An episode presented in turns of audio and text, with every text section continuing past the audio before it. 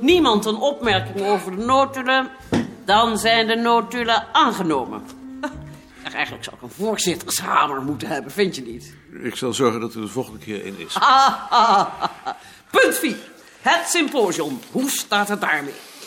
Ehm, met het symposium gaat het goed. We verwachten niet anders. Eh, ik heb contact opgenomen met de hoogleraar Kuppens en Knottenbelt van de Universiteit van Amsterdam. En die hebben als sprekers Alblas voor de antropologie en de Vlaming voor de geschiedenis aangewezen. En is dat wat? Dat weet ik niet. Ik heb daarover contact gehad met Knottenbel. De Vlaming is volgens hem professorabel. En Alblas? Is hij soms ook professorabel? Alblas ken ik niet. Eh, Alblas is de zoon van een correspondent van het bureau. En hij is een van de weinige antropologen die zich voor Nederland interesseert. Hier, hier. nou, en dan de kwestie van ons tijdschrift. U hebt daarover een brief gehad van de beide redacteuren... met het voorstel de banden met ons tijdschrift te verbreken. Weet dat nog toelichten? Mevrouw de voorzitter, als ik u even mag onderbreken. Onder de brief die ik gehad heb staat wel de naam van de heer Beerta, maar hij is alleen ondertekend door de secretaris. Moet ik daaruit opmaken dat de heer Beerta hem niet meer gezien heeft in deze vorm? Moeten we dat er goed op maken? Ehm, Dolmar? Eh, nee. Eh, De brief is geschreven door Beerta. Hij heeft hem nog naar het bureau gebracht. Dat was op zondag. Diezelfde avond heeft hij die broerte gehad. We hebben er dus niet meer over kunnen praten, maar ik eh, ben het er volledig mee eens. Het is te hopen dat er geen kausaal verband is. Die gedachte kwam ook bij mij op. Het is niet uitgesloten. Dat zou dan wel heel ongelukkig zijn. Mevrouw de voorzitter, als u mij toestaat. Ik vind niet dat wij hierover mogen speculeren. Zo is het natuurlijk ook niet bedoeld. Ik ga ervan uit dat niemand van ons het zo bedoeld heeft. Secretaris. Aan wat in de brief staat heb ik niet zo heel veel toe te voegen. Ik kan alleen nog zeggen dat ik me schaam iedere keer dat er een nieuw nummer van ons tijdschrift verschijnt en ik mijn naam bij de redacteur zie staan. Tableau. Ik wil maar zeggen. Als iemand nog overtuigd zou moeten worden, dan moet dit argument toch afdoende zijn. Of niet soms. Ik moet zeggen, ik neem aan dat u net als ik geschokt zult zijn geweest toen u deze brief ontving. Is niet niets. Als je 35 jaar in de redactie hebt gezeten, zoiets gaat niet in je calculeren zitten, enzovoort, enzovoort. En ik kan me voorstellen dat het vooral Anton Beerta aan zijn hart is gegaan. Maar als hij zoiets schrijft, dan past het ons niet om daar vraagtekens bij te zetten. Wil maar zeggen. Daarom stel ik voor om het advies van de beide redacteuren op te volgen. En ik voeg er meteen aan toe dat ik mijn voorzitterschap neerleg als u dat niet zou doen. Mens, steen niet zo aan. Zo heet wordt de soep dan ook weer niet gegeten. Moet ik hieruit opmaken dat u het voorstel aanvaardt? Met het voorstel zelf heb ik niet zoveel moeite. Ik weet alleen niet of het nu wel zo gelukkig is om de samenwerking om te zetten in een vrijblijvende medewerking, zoals het in het slot van de brief wordt voorgesteld. Eh, Ik zou zeggen, doe dat dan ook maar niet als je zoveel bezwaren hebt. Dat is nou precies wat ik mij bij lezing van de brief ook afvroeg, mevrouw de voorzitter.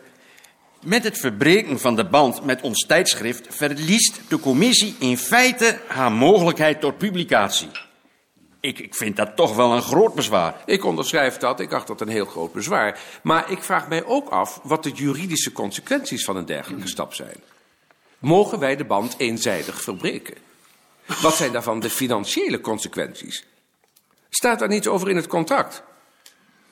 Dat waren de vragen die bij lezing van de brief het eerst bij mij opkwamen. Staat daar iets over in het contract? Volgens mij is er geen contract. Bovendien, als Pieters bij herhaling verzekert dat een klein briefje naar Amsterdam genoeg is om de samenwerking te verbreken, dan kan ik me niet voorstellen dat dat niet ook kan met een klein briefje van Amsterdam naar Antwerpen. U hoort het. Volgens de secretaris is er geen contract. Ik zou het toch wel op prijs stellen als dat nog even werd nagegaan. Ik zal het nagaan. Nog iets? Jawel, mevrouw de voorzitter. Ik zou ook graag van de secretaris willen horen of hij voor de commissie nog andere publicatiemogelijkheden ziet, behalve dan die vrijblijvende medewerking aan ons tijdschrift, die mij eerlijk gezegd, net als collega Buitenrust Hettema, nogal dubieus lijkt. Zijn hier. Er zijn natuurlijk wel eh, meer tijdschriften. maar daarmee heeft de commissie geen eigen gezicht meer. Ik heb Anton Beerta wel eens horen praten over de mogelijkheid van een eigen tijdschrift. Dat vroeg ik mij ook af. Kunnen wij als commissie niet met een eigen tijdschrift komen? Ons eigen tijdschrift. Kan dat?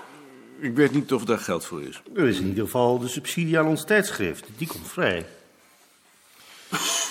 En ik zal het met mijn afdeling moeten overleggen. Die zit hier. Daarom hebben we ze nu juist uitgenodigd. Bedoel maar, meneer Asjes. Durf daar nu echt geen uitsluitsel over te geven. We zullen daar toch eerst overleg over moeten plegen. Maar u heeft toch wel een standpunt? Ik heb wel een standpunt, maar ik zou het prematuur vinden om me daar nu al op vast te leggen. voor ik daarover met mijn collega's heb gesproken. Meneer Asjes wil zich nog niet vastleggen. En meneer Muller, wilt u zich ook niet vastleggen? Ik zou er geen bezwaar tegen hebben. Wat nu? Ik zal er met de afdeling over praten. U hoort zo spoedig mogelijk wat er van het resultaat is. Daar reken ik dan op. Daarmee hebben wij punt 7 van de agenda afgehandeld. Punt 8, het jaarverslag. Als ik u even mag onderbreken, mevrouw de voorzitter. Wat hebben we nu besloten? Dat wij uit de redactie van ons tijdschrift treden? Ik weet niet beter of we hebben dat besloten. En hoe gaat dat dan? Ik ga ervan uit dat de secretaris daarover een brief aan Pieter schrijft. En zou het dan niet goed zijn, mevrouw de voorzitter, als de secretaris die brief schreef in overleg met de directeur? Ik bedoel daarmee niet te zeggen dat ik dat de secretaris niet toevertrouw. Maar het maakt allicht wat meer indruk als de directeur hem mede ondertekend heeft. Is dat nodig? Als er een contract is, mevrouw de voorzitter, dan zal het in de tijd zijn ondertekend door de voorzitter en de secretaris. Het lijkt mij dus juister om niet de directeur, maar de voorzitter bij het schrijven van de brief te betrekken. Dat ben ik met de heer van der Land eens. Juridisch gezien is dat de enig juiste procedure. Zullen we dat dan maar doen? Ben je tevreden over de vergadering? Matig. Het is volstrekt idioot natuurlijk dat jullie willen dat Kaatje Kater die brief mede ondertekent. Als er nou één ding is wat ik kan, beter dan wie ook, dan is dat brieven schrijven. Dat heb ik voorgesteld. Ja. Dus dat had ik beter niet kunnen doen. Natuurlijk moest je dat doen, dat is jouw verantwoordelijkheid. Maar ik vind het wel idioot, want op die manier maak je zo'n brief nodeloos formeel. Nou, sorry hoor. Je hoeft je niet te verontschuldigen, je moet het de volgende keer gewoon weer doen. Ik kan er alleen niet tegen dat jullie je met mijn zaken bemoeien. Het is trouwens nog erger geweest dat Balk het had moeten doen. Dan had ik het helemaal niet verdragen. Dat dacht ik toch ook. Godverdomme. Dit heb ik nu voorspeld. Dat is nou precies waar ik bang voor was. Dat ze ons zouden opdragen om met een eigen tijdschrift te beginnen. Wat had je dan gewild? Dat ik in ons tijdschrift was blijven zitten en met de nukken en grillen van Pieters had laten welgevallen? Had je maar niet in de redactie moeten gaan zitten. Als je in de redactie zit, dan ben je ook mede verantwoordelijk. Maar waar heb je nou zo de pest over? Ze waren je toch heel welgezind? Vond je? Kaatje Kater in ieder geval. Hoe was het? De commissie wil dat we een eigen tijdschrift beginnen. Maar kunnen we dat dan? We zullen er morgen over vergaderen. Waarom zeg je dan niet gewoon dat je het verdomt? Als ze met alle geweld een tijdschrift willen hebben, laat ze dat dan zelf maar maken. Daar hoeven ze jou toch niet voor te laten opdraaien? Stel je voor. Zou helemaal mooi zijn. Zij willen een tijdschrift, maar jij moet het werk doen. Nou, zo lust ik er ook nog wel een. Dat is wel heel gemakkelijk. Ik ben nu eenmaal de secretaris. Nou, dan treed je maar af als secretaris. Dan ben je daar meteen vanaf, van die rotzooi. Is toch allemaal flauwekul wat jullie doen. Er is toch niks aan verloren als jij geen secretaris meer bent. Dan Bart maar secretaris worden. Of Ad. Dan doet hij ook eens wat. Een eigen tijdschrift. Als ze je dat tien jaar geleden voorspeld hadden, dan had je je doodgelachen. Dan had je je gevraagd of ze niet goed bij hun hoofd waren. Dat is onzin natuurlijk. Onzin? Sinds wanneer praat ik onzin? Ik heb toch zeker gelijk? Je hoort toch helemaal niet te publiceren? Publiceren is toch flauwekul? Het hoort nu eenmaal bij mijn werk. Nou, dan zeg je dat het niet bij je werk hoort. Dat jij toevallig een andere opvatting van je werk hebt. En dat je niet van plan bent om naar hun pijpen te dansen. Dan zeg je dat gewoon. Stel je voor dat ze je zouden dwingen om iets te doen dat je niet wilt. Zo zijn we toch niet getrouwd? Dat ga je me toch niet vertellen dat je je laat dwingen? Als ik uit ons tijdschrift stap, dan ben ik ook verantwoordelijk voor de consequenties. En als de consequentie nou is dat je geen tijdschrift hebt. Als dat nou eens de consequentie is. Het is toch alleen maar omdat ze het gewichtig vinden om een eigen tijdschrift te hebben. Moet je nou eens horen, jongens. Ik zit in een commissie en die heeft een eigen tijdschrift. Heer, heer. Laat me niet lachen. Dat doe je toch zeker niet aan mee als je een fatsoenlijk mens bent? Dat weiger je toch zeker om daaraan mee te doen? Ja, dat weiger je. Nou, doe dat dan. Laat ze dan eens een keer horen hoe je er echt over denkt.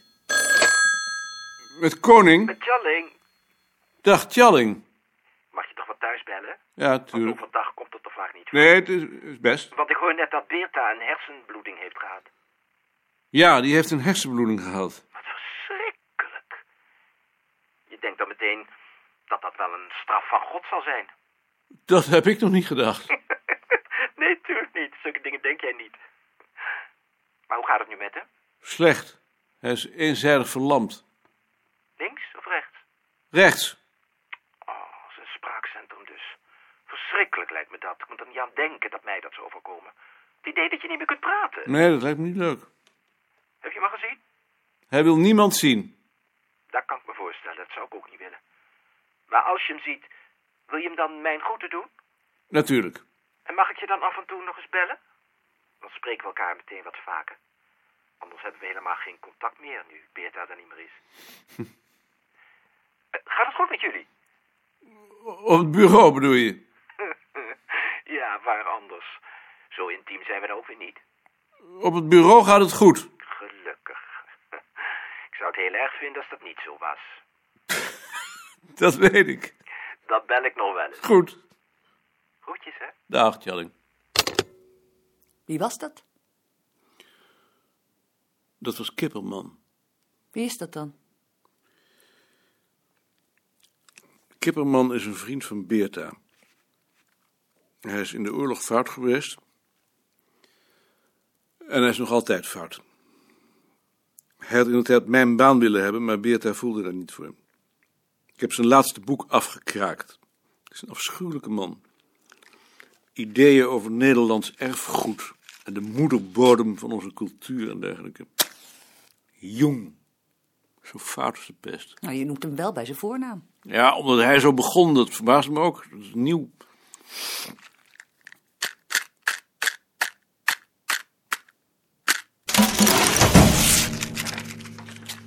Eh, Bart, ik heb hier een verzoek van een meneer die iets wil weten over de Helenia-verering. Zou jij dat willen beantwoorden? Maar deze brief is gericht aan meneer Beerta. Ja, dat zullen wij nu moeten doen. Maar heb je daar dan wel toestemming voor gekregen om die open te maken? Nee, maar die kan hij nu ook moeilijk meer geven. En als er nu iets in zou staan wat niet voor anderen bestemd is? Dan vergeet je dat weer. Het spijt me, maar dan acht ik mij daar toch niet toe bevoegd. Ik wil eerst de zekerheid hebben dat meneer Beerta daar uitdrukkelijk toestemming voor heeft gegeven. Maar als hij dat nou niet kan, Dan zou ik toch de toestemming willen hebben van degene die daar wettelijk bevoegd toe is. dat ben ik. Daar ben ik zo zeker nog niet van. Die brief is toch aan het bureau gericht? Toch niet aan zijn huisadres? Dan moet meneer Balk zijn toestemming geven. Goed, dan zal ik het zelf wel doen. Het is niet dat ik niet bereid ben om je te helpen. Het is alleen dat ik op het standpunt sta dat je iemands particuliere correspondentie niet zonder zijn uitdrukkelijke toestemming mag openen. Nee, dat begrijp ik.